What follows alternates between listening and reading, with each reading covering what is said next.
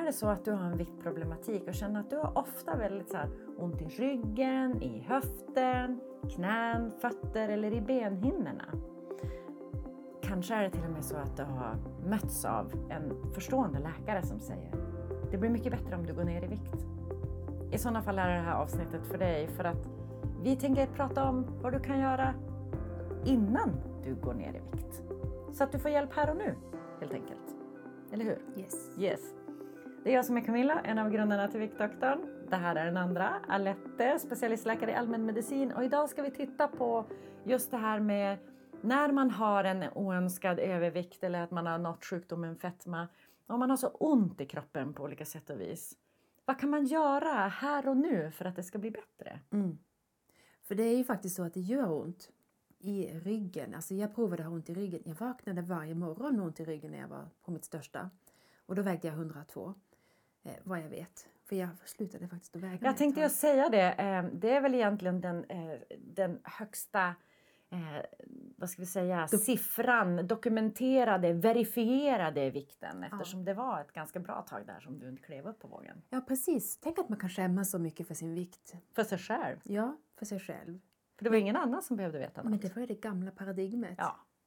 Det nya paradigmet, min övervikt var inte mitt fel. Min sjukdom fetma var faktiskt inte mitt fel. Och om du sitter nu och känner på tyngden så är det inte ditt fel. Och det finns massor att göra. Men nu ska vi prata ortopedi. Mm. Och det vet man ju när du var gravid. Hur kändes ryggen då? Eh, ryggen kändes faktiskt eh, okej, däremot gjorde inte mina fötter det. Hur kändes fötterna? Platta. Mm, det var de nog också. Och väldigt mycket värk Ah. i fötterna faktiskt. Hur löste du det? Fotmassage. Ja, skönt. Det fick pappan göra. Bra. Och det är ju så att en högre vikt plattar ju till fötterna rätt så rejält. Fötterna består ju av väldigt många små leder, ligament eh, som binder ihop fötterna. Och en stor tyngd plattar ju ut dem. Och vet du, jag har gått ifrån skostorlek 41,5 till 39. Mm, jag gick tvärtom ja. Från typ 37 till 38 drygt. Ja. Jag fick ju köpa nya skor efteråt. Det var det värt. Det var det värt. Jag säger inget annat. Men ehm, vikt trycker verkligen ut fötterna. Och de har inte gått tillbaka för mig. Spännande. Mm. Och det man kan göra då det är ju naturligtvis att titta på skoinlägg. Antingen sådana som du kan köpa på en sportbutik eller en skobutik. Eller att du också besöker en butik som har skospeglar. Alltså inte sådana där man ser hur skorna ser ut men som man står på. Att man kan se hur hålfoten behöver stöd. För då kan de plocka fram en sula åt dig som är liksom perfekt för dina önskemål och, och behov. Man kan också lyxa och gå till en ortopedisk eh, tekniker och fixa sulor. Avgjutning av foten eller? Ja, men det blir väldigt dyrt. ja jag fattar.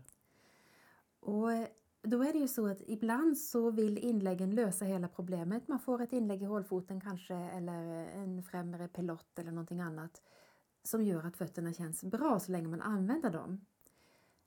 Och då är det ju så att en del har ju dem i sina utomhusskor men det är inte där de är mest. De är mest inomhus. Så skaffa två par om du skaffar inlägg och så har du några i dina tofflor eller inomhusskor och sen har du ett par i dina utomhusskor. Um, men man kan också träna upp fötterna. Ja, men jag tänker det. För jag känner lite så här... Eh, som gammal volleybollspelare kan man ju tro att jag är väldigt lång, men det är jag inte. Men eh, jag har verkligen spelat volleyboll sedan jag var 11 år gammal och det är länge sedan. Eh, vilket också gör att jag har vrickat mina fötter oändligt många gånger. Alltså på den här nivån att vid tre tillfällen trodde personalen på akutmottagningarna att mina fötter var brutna. Eh, men jag eh, har ju övergått då från inomhusvolleyboll till beach. Det vill säga, vi springer i sanden istället. Eh, om du har följt vår podd så har detta ämne kommit upp vid kanske något tillfälle förut. Och jag känner att mina fötter är mycket, mycket mer stabila nu. När jag hela tiden måste parera för sanden som inte ligger still när jag springer eller står. Eller. Att jag har fått mycket starkare fötter nu. Och då är det ju barfota också. Ja, ja, man spelar eh, beachvolleyboll spelar man barfota. Mm. Så du får ju använda foten på ett helt annat sätt än om du har en sko som liksom tvingar den in i vissa positioner. Ja, eller skydda den, för det var ju det den gjorde inomhus. Ja. Men det finns ju också barfotaskor. Ja, är de bra eller? Jag vet inte, jag har inte provat. Men jag vet att många som börjar med det tycker att fötterna gör mindre ont när de får träna upp sina fotsulor ordentligt. Mm. Jag minns också att jag hade en sån här platta som jag stod på med eh, en halvglob Mm. under. Eh, jag använde den när jag borstade tänderna. För att ja, men stå och eh, hela tiden behöva parera. Och så kan man stå på ett ben och så kan man Mm. blunda. Blunda är jätteeffektivt. Då tappar man balansen direkt. Och det är ju fantastiskt bra att du har det när du har stukat det så många gånger för det minskar ju risken för stukningar framöver. Tränar upp balansen i fotleden. Så har du stukat dig mycket, skaffa en sån här balansplatta. Finns på apotek, finns på sportbutik, finns lite var som helst. Mm, men jag tänker det är också eh, hjälper väldigt mycket när man har fått uttryckta fötter av sin vikt. Mhm. Att gå i sand, att stå på såna här balansplattor på olika sätt och vis. Mm. Men också att stå på tennisbollar. Oj, det lät ont. Det är faktiskt jätteskönt. Alltså jag, ehm, jag blev lite förvånad men jag hade en, ehm, eh, en yogalärare Mm. eh, som jag bad hjälpa mig för att jag hade så problem med mina fötter. Mm. Och då visade han en massa olika övningar för mig och en av dem är faktiskt att stå på en tennisboll. Mhm. Det är jätteskönt. Att rulla den under foten. Ah, det lät faktiskt behagligare än vad det lät med första. Ja men alltså bara stå och gå på den helt enkelt. Eh, och då tänker jag då tränar man ju också olika muskulaturen under Mm. foten. Precis, Eller i foten. i foten. Mm. Fötterna är ju en del av kroppen som vi verkligen tar för givet. Så länge de funkar. Och sen när de inte funkar, ja då är det ju så att det går knappt att få till någonting som funkar i vardagen. Alltså ens gå på toa gör ju jätteont med värkande fötter. Ja. Oh ja. Det, det, livet blir inget bra när fötterna inte funkar. Men eh, om, om vi går upp lite grann från fötterna, alltså benhinnor. Det är någonting som alla, oavsett om man är överviktig eller inte, kan ha problem med. Mm. Inflammation i benhinnan är ganska vanligt och eh, ännu vanligare för de som börjar att träna och kanske även börjar att träna plus eh, har ett viktproblem. Ehm, och då är det ju så att har man gått ut för hårt från 0 till 100 så får man ont och så får man gå från 100 till 0 och det är ju inte så bra. Nej, när jag spelade innebandy så fick jag väldigt, väldigt ont i benhinnorna. Eh, och då fick man lära sig att tejpa benhinnorna. Det kanske inte riktigt är det man ska göra. Nej, jag skulle nog rekommendera dig att träffa en sjukgymnast i första hand eh, och sen stretcha. Och stretchning är ju skönt och lite jobbigt skönt också i början kanske. Men otroligt värdefullt. Mm. Eh, så förutom egentligen vila, om, om du får eh, benhinnor som börjar kännas av, vila, men det är inte så roligt att vila. Nej, det är framförallt viktigt för kroppen att kunna vara i rörelse. Eh, Prata med en sjukgymnast om du har problem som kvarstår en längre tid. Man kan också prova värktabletter, receptfria Ipren exempelvis, som är lite inflamma, antiinflammatoriska också. Alltså ibuprofen. Ja. Ja, för det finns många olika ibuprofen-tabletter där ute. Yes. Eh, någonting annat som man kan tänka på när det gäller benhinnorna då, om de börjar kärva? Eh, vad tänkte du på? Nej, men jag bara... Eh, min minnesbild av det, det var ju att det var både i fästena och i själva djuphinnan. Alltså det var, det var ont på olika sätt.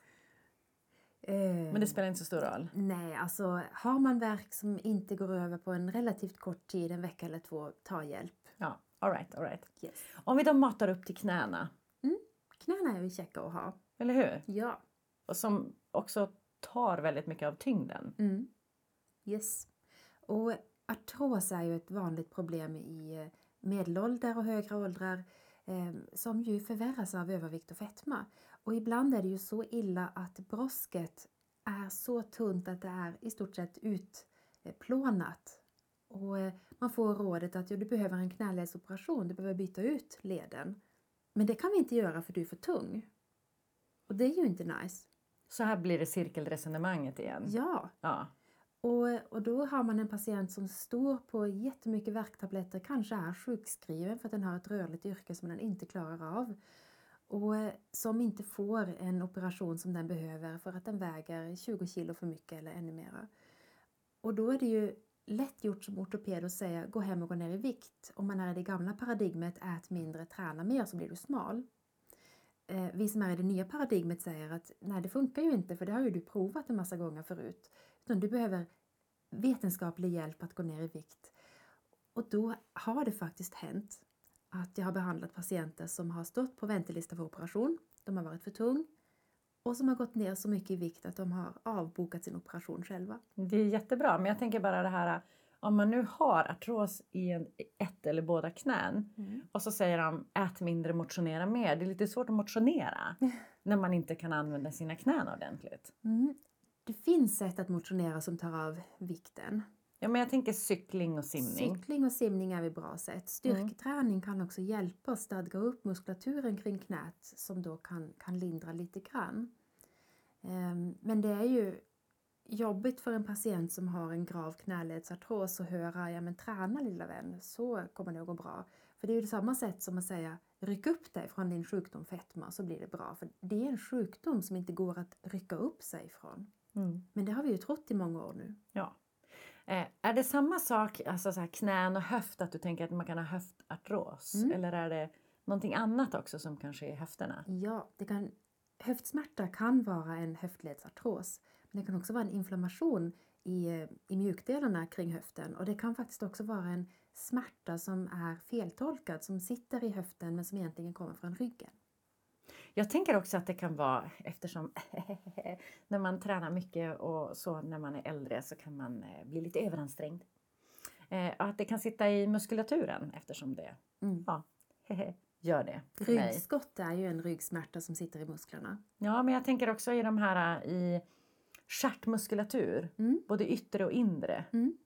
Eh, och då får man ju stretching eh, råd Ja. och att man ska vila, man ska sitta på rätt sätt och så vidare. Mm. Som hjälper jättemycket. ja, och det här med stretchning det är underskattat, det är jag helt övertygad om. Du vet hockeyspelare, de har ju det vi kallar för vetenskapligt ankröv. Really? Jag brukar säga hockeyröv. Jag gillar den.